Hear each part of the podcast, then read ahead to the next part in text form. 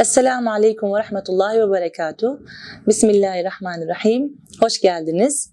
Ee, Bugün doğal taşlar hakkında merak ettiğiniz, İslami açıdan nasıl yorumlanması gerektiğini düşündüğünüz ve buna bu sorularınıza cevap aradığınız bir video olmasına niyet ediyorum ee, inşallah. Biliyorsunuz ki e, uzun zamandır e, hem şu anki sisteme ayak uyduracak hem de İslami kaide, kaideler dışına çıkmayacak bizim faydamıza olan tüm her şey hakkında, e, ilim hakkında, bilim hakkında araştırmalar yapıyoruz ve sizlerle paylaşıyoruz ve fayda açısından kullanıyoruz. Öncelikle e, şirk kelimesini sizlerle birlikte bir düşünelim istiyorum. Şirk kelimesini tanımak için, şirk kavramını tanımak için öncelikle sözcük anlamına baktığımızda Arapça şereke kökünden geliyor. Bu ortaklık anlamına gelir. Yani normal bir Arapça günlük kullanımda dahi bizler şereke kelimesini ortaklık anlamında kullanabiliyoruz. Ve şirke doğru döndüğünde bu tek bir ortaklık anlamına geliyor. Yani bizler bir şirk durumuna girebilmemiz için Rabbimize karşı bir ortak payda biçmemiz lazım. Bir ortak durum, ortak hissiyat girmemiz lazım. Oldukça tehlikeli olduğu gibi oldukça da e, ayrıntılı bir durum. E, tabii ki İslam kaidelerine baktığımızda, tarihe baktığımızda, içtimaya baktığımızda yani kısacası İslami literatüre baktığımızda büyük şirkler ve küçük şirkler diye şirk ikiye ayrılıyor. Peki size büyük şirklerden öncelikle bahsedeyim. E, Firavun'un yaptığı gibi, Nemrud'un yaptığı gibi e, sümme haşa ben Tanrıyım, ben ilahım demek bu büyük şirklere giriyor. Diğer e, daha ufaklığa da yani ufak ufak gidersek e, ben yarattım, e, ben oluşturdum, ben yoktan var ettim demek de büyük şirkler altında incelenebiliyor. Ee, Daha sonra küçük şirklere geçelim. Küçük şirklerde kişi daha bilinçsiz davranışlar yapıyor. Yani büyük şirk gibi asla affedilemez durumlar değil, daha bilinçsiz yapılan e, durumlardır. Bunlar nedir? Mesela bir yardım talebinde veya bir e, medet ummakta e, yaratıcımdan yani Rabbimden değil de e, bir insandan, bir maddeden, bir varlıktan, belki bir kurumdan, belki bir eşyadan yardım talep etmekte işte bunlar da e, küçük şirkler durumuna giriyor. Biliyorsunuz ki Peygamber Efendimiz Aleyhisselatü Vesselam geldiği toplumda e, şöyle bir inanış var değil mi? İnsanlar şey zannediyor oradaki herkes putlardan yardım istiyor, putlara tapıyor. Pardon putlardan evet yardım istiyorlar ama putlara tapmıyorlar. Aslında oradaki inanışta da bir yaratıcı var fakat putlardan yardım isteyerek yaratıcıya ulaşma sistemi var. Daha sonra bu inanış bozuluyor, bozuluyor. Direkt olarak puta secde etmeye kadar gidiyor. Çünkü taviz tavizi getirir. Şunu çok iyi bilin ki küçük olanı asla küçümsemeyin. Küçük büyüğün başlangıcıdır. İşte biz nerede e, e, belki yanılıyoruz? Ha, bu kadarcıktan bir şey olmaz canım dediğimiz her şey bizi aslında büyük tehlikeye adım adım götürüyor olabilir. İşte burada neler yapılıyor? E, işte bir yaratıcı var ama e, ancak ben senin aracılığına ulaşabilirim. Sen bana yardım edebilirsin şeklinde puttan yardım isteme, medet umma, talep etme durumlarında işte biz burada şirk durumunda tekrar görüyoruz. Dediğim gibi daha sonradan direkt yaratıcıyı nesilden nesile put olarak da nitelendiren kavimler gelmiştir. Ee, burada şimdi yavaş yavaş bugünümüze gelelim. Bugünümüze baktığımızda e, aslında hem davranışsal olarak hem yaşam tarzı olarak bu yüzyıllar önce küçük şirk olarak nitelendirilen çoğu şeyi şu anda normal olarak yapıyoruz. Yani belki bir e, antibiyotik kullanırken bile antibiyotikten beni iyileştirmesini e, bekliyorum duygusu bile tahlil edildiğinde küçük şirkler altında değerlendirilebilir. Fakat tekrar söylüyorum. İslam evrenseldir. Yani çağ değiştikçe çağa ayak uydurur. Yani hiçbiriniz ağrı kesici içtiğinizde ağrımın kesilmesini bekliyorum diye şirkten Allah'ın izniyle e, hesap sorulmazsınız. Fakat bunu bir ahlak haline getirirsek yani ben Allah'ın izniyle şifa diliyorum. Aslında şifayı Rabbimden diliyorum. Bunlar vesiledir diye bir ahlak haline getirirsek biraz daha itikadi ve imani derecede daha güvende hissedeceğiz ve daha güvende olacağızdır. Çünkü dedim ya aslında konunun başında taviz tavizi getiriyor. Yani küçük bu medetler, küçük inanışlar büyük tehlikeli inanışlara bizi götürmeye başlıyor. Şimdi minik bir örnek verelim. İşte e, bu küçük ilaçlar beni iyileştirecek duygusundan sonra işte büyük bir rahatsızlığa yakalandığımızda veya ruhsal bir rahatsızlığa yakalandığımızda bir kişinin ayağına kapanıp sen beni iyileştireceksin, sen ne olur beni iyileştir duygusuna girebiliriz. İşte bu bizim işte e, küçükten büyüğe giden tehlikeli şirk boyutuna gelebiliyor. E, şirk kelimesini tekrar incelediğimizde e, ortak koşma. Yani Allahü Teala'nın 99 esması ve sonsuz güzellikteki diğer isimlerini kavrayan bir kişi şunu bilmesi lazım. Yani benim Rabbimin yapamayacağı, bana lütfedemeyeceği, kudretinin yetemeyeceği hiçbir şey yok. Yani şu an aniden kun emriyle şu dünyayı toz haline getirebilir ve tekrar bir kun emriyle tekrar baştan yaratabilir ve bunu benim ruhum bile duymayabilir. Ve belki saniyeler içinde bu oluyor, var oluyor bile. Çünkü bu alemde ben tek başıma değilim. Binlerce alem, binlerce varlık var. Ve onlara ispat için ve onların yaşamı için belki yeni bir yaşam var, belki yeni bir son var. Belki şu an başka bir alemde bir kıyamet kopuyor, belki bu alemde yeni doğuşlar başlıyor. Bu yüzden hem sen tek başına Rabbinle baş başasın, hem alemde bir tozdan daha küçüksün. Kişi bunun farkındalığına varırsa aslında biraz daha kavramlarda karmaşa yaşamaz. Şirk konusuna tekrar geldiğimde şirkte ortak koşmak var. Tekrar söylüyorum. Medet umarken, yaratıcıdan bir şey beklerken ve yaratıcıdan umut ederken bir şeyi ortak koşmak. Peki bu bugüne geldiğimizde neler olabilir? Tekrar söylüyorum bu bir ilaçlar olabilir. Bu bir insan olabilir.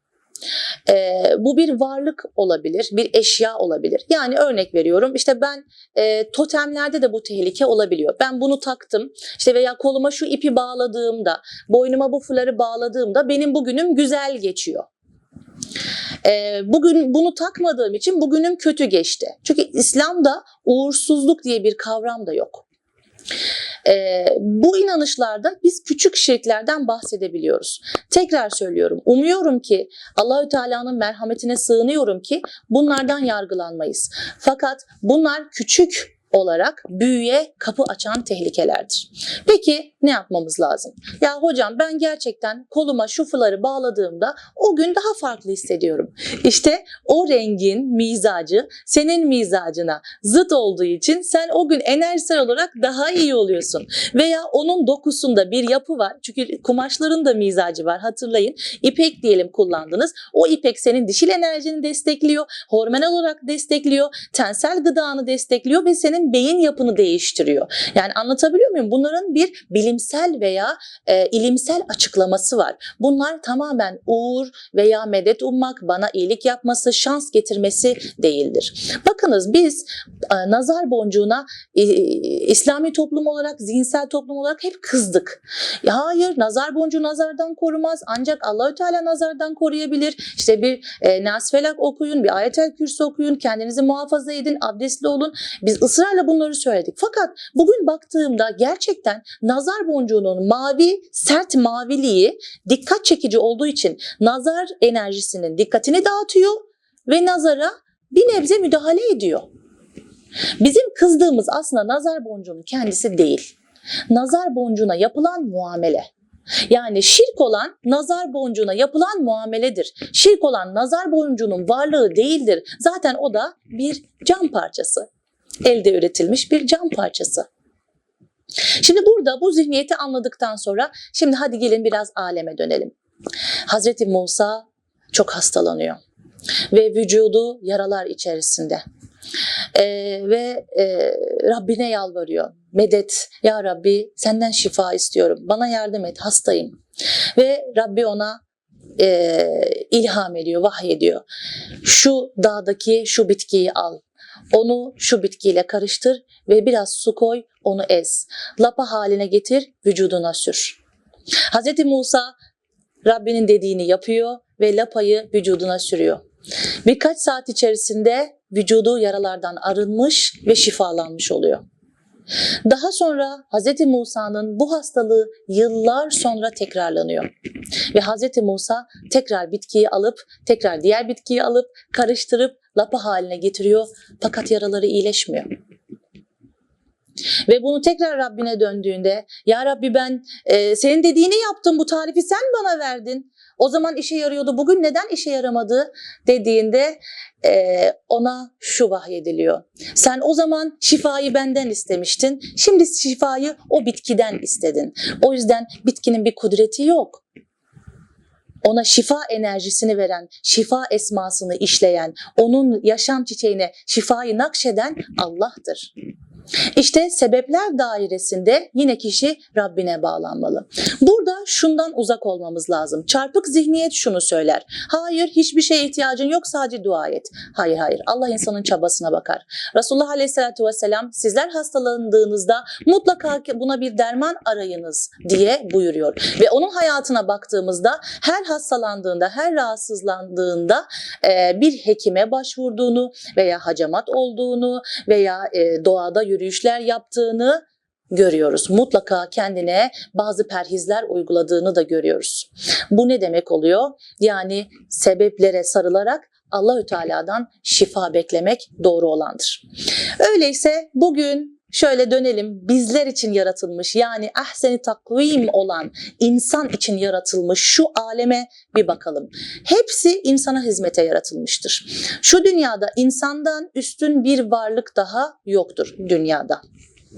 Çünkü neden? Çünkü insanda irade vardır. Yani bitkiler zaten daim bir zikir halinde. Deniz dalgaları bir zikir halinde. Yağmurlar bir zikir halinde. Ama bunlar iradeyle yapılmıyor. Bunlar yaratım üzere yapılıyor. Yani her yaratıma bir esma eklenmiştir. Bir kedi bile Rahim, Rahim diye mırlar.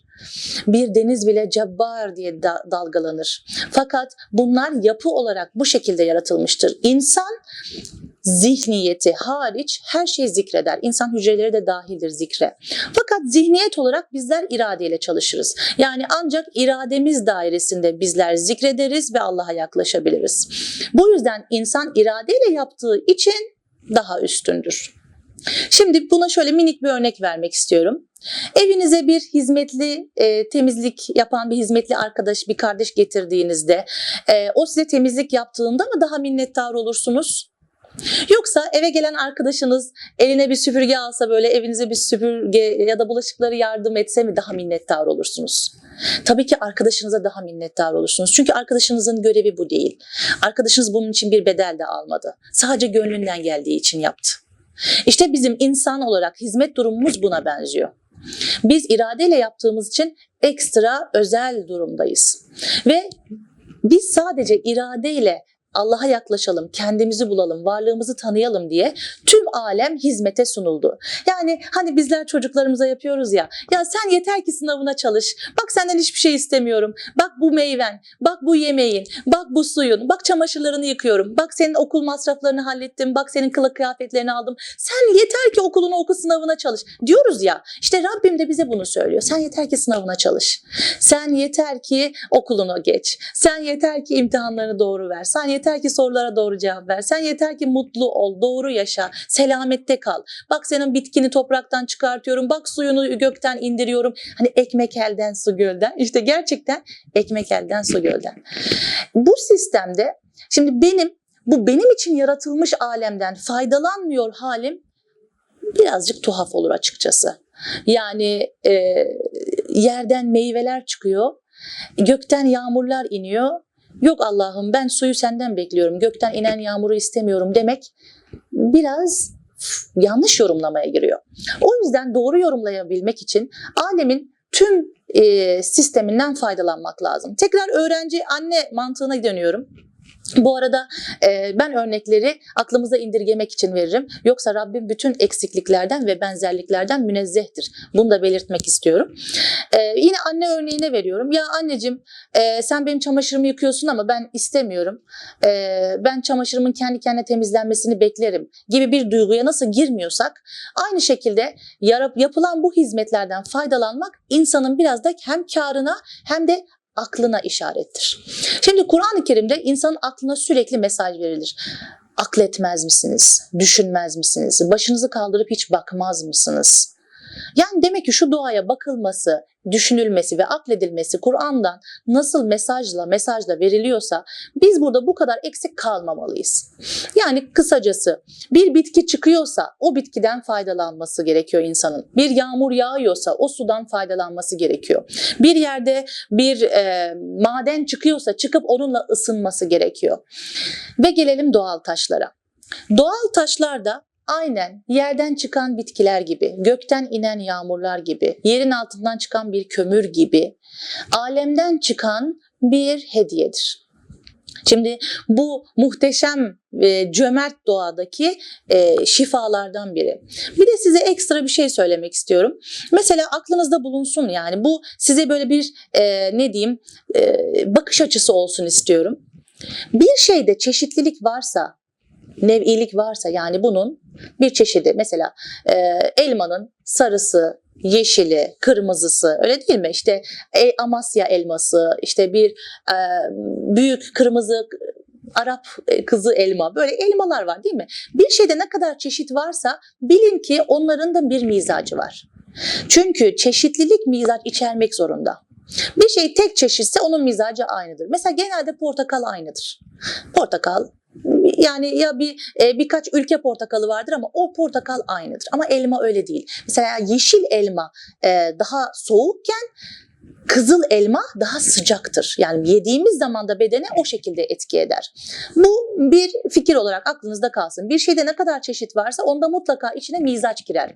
Peki hocam içine bir şeyin mizaç girerse ne demek olur? Şu demek olur. Kullanım bilgisi gerekir. Mesela portakalı soğuktur, her zaman soğuktur, rahatlıkla yiyin. Ama elmada mutlaka bir bakmak lazım. Bu mevsimde bu elmayı, elmayı yemeli miyim? Bu vakitte bu elmayı yemeli miyim? Benim mizacımda bu renk elmayı yemeli miyim diye bakılması lazım. İşte Gelelim doğal taşlara. Doğal taşlarda da bizler çeşitler görüyoruz. İşte e, bir ametistin e, morluğundan sonra sıcak vurduğunda sitrine dönüşmesi ve sitrindeki kızıllığı, kristal kuvarsın e, bölgesel olarak içinin şeffaflaşmaması, bölgesel olarak yoğun şeffaflaşması, işte bir kalsitin kireçten oluşuyor olması, mercanın denizden çıkıyor olması.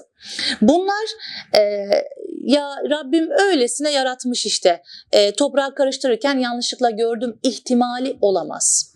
Çünkü bir ara şöyle bir şey oldu mesela işte pank, şey, apantist alalım gitsin bir işe yaramıyor zaten gibi bir düşünce oldu hatırlarsanız yani. Fakat şu anda doktorlarımız hayır apantist olabildiğince sağlıklı tutmaya çalışın. Apantisi almamaya çalışalım. Son raddeye kadar tedavi etmeye çalışalım. Neden? Çünkü e, insan vücudundaki son kontrol gümrük merkezi olduğu daha 21. yüzyılda anlaşıldı.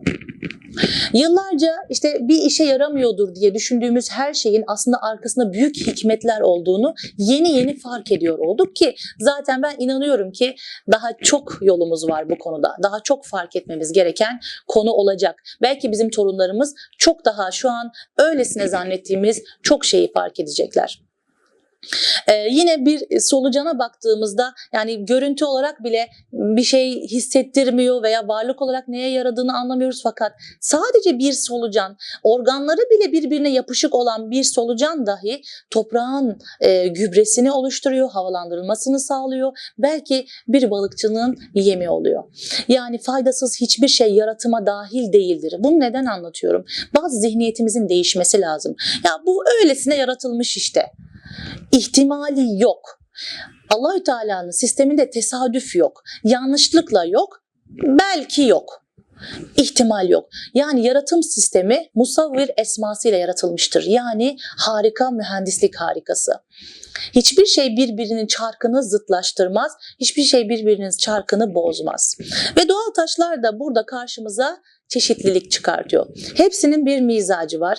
Hepsinin e, bir e, kimyasalı var. Hepsinin bir derecesi var. Yumuşaklık, sertlik, koku, tat olarak bile tuz oranı bile birbirinden farklı. Ve bugün incelediğimizde e, bizler kişiye yaptığı etkilerin de farklı olduklarını görüyoruz. Tabii ki bu şu anda oluşmuş bir durum değil. Tekrar söylüyorum Aristoteles'in Kitabul Ahcar kitabında şu anda Arapçaya çevrilmiş hali sadece mevcut. E, inşallah onun tercümesine ulaşırsınız. İnanılmaz bir derinlik var. Bazı taşların ismini bilmediği için derin mor renkli, e, soğuk mor renkli diye taşlara kendi isim verdiğini görüyoruz. Özellikle inciden bahsederken incinin mutedil bir mizaçta olduğunu, e, bir e, denizin içerisinde, suyun içerisinde olup da bir etin içerisinde yaşadığı için mutedil derecede olduğunu söylediğini görüyoruz. İnanılmaz bir etki ve insanın direkt kemiklerine etki ettiğini anlattığını görüyoruz. Ve yine geldiğimde e, Kur'an-ı Kerim'de e, El-Lu'lu vel Mercan diye e, bir e, cümle geçiyor, bir ayet-i kerime geçiyor. Bu ne demektir? İnci ve mercana yemin olsun ki. İnci ve mercana yemin olsun. Bunlar e, doğal taşların çeşitlerinden biridir. Yine Hazreti Peygamber Resulullah Aleyhisselatü Vesselam'a baktığımda yüzük olarak yani hatem olarak kendisinde bir akik kullandığını görüyoruz. Bunlar bir medet bekleme, gel bana yardım et, gel bana iyileştir zihniyetinden öte. Sunulan ikramlardan alma yöntemidir. Peki hocam biz bunu kullanalım da nerede tehlikeye giriyoruz? Orada ince bir çizgi var. Hani dedim ya size başta bir antibiyotik kullanırken e, beni iyileştirsin, bana e, beni tamamen kuvvetlendirsin. E, hadi çabuk e, sonucunu göster. Senden ümit ediyorum dediğimizdeki o ince çizgi var ya aynen doğal taşlarda da var. Yani bu bir zihniyet. Şirk maddede değildir. Şirk zihniyettedir. Allahü Teala kendisine ortak koşacak şeyi yaratmaz zaten. Ama ortak koşacak zihniyet bizdedir. Yani bir madde tek başına Allahü Teala'ya şirk edemez. Biz ona şirk vasfını yükleyebiliriz. Yani burada zihniyet değişmesi gerekiyor. Eğer sizler bir doğal taştan şifalanıyorsanız bunu Allah'ın izniyle, Allah'ın şafi esmasının ona nakşedilmesiyle gerçekleştiğini bilirseniz ve yine şükrünüzü Allahü Teala'ya edersiniz. Ya Rabbi ben bu ametisti taktım. Bugünlerde enerjimi çok daha iyi hissediyorum. Senin yaratımına tekrar tekrar hayran oluyorum. Nasıl ki buna böyle sırlar gizledin, böyle hikmetler gizledin, böyle bir enerji gizledin. Sen ne kadar kadirsin ya Rabbi, şükürler olsun diyebiliyorsa bir insan burada herhangi bir şirk tehlikesi yaşamaz. Ama tekrar söylüyorum, e, papatyayı kaynatıp işte karnımın ağrısına iyi gelsin diye beklerken herhangi bir şifanın ondan geldiğini düşünerek Allahü Teala'dan yardım istemeyerek yapıldığında da biz tehlikeli bir duruma geliyoruz.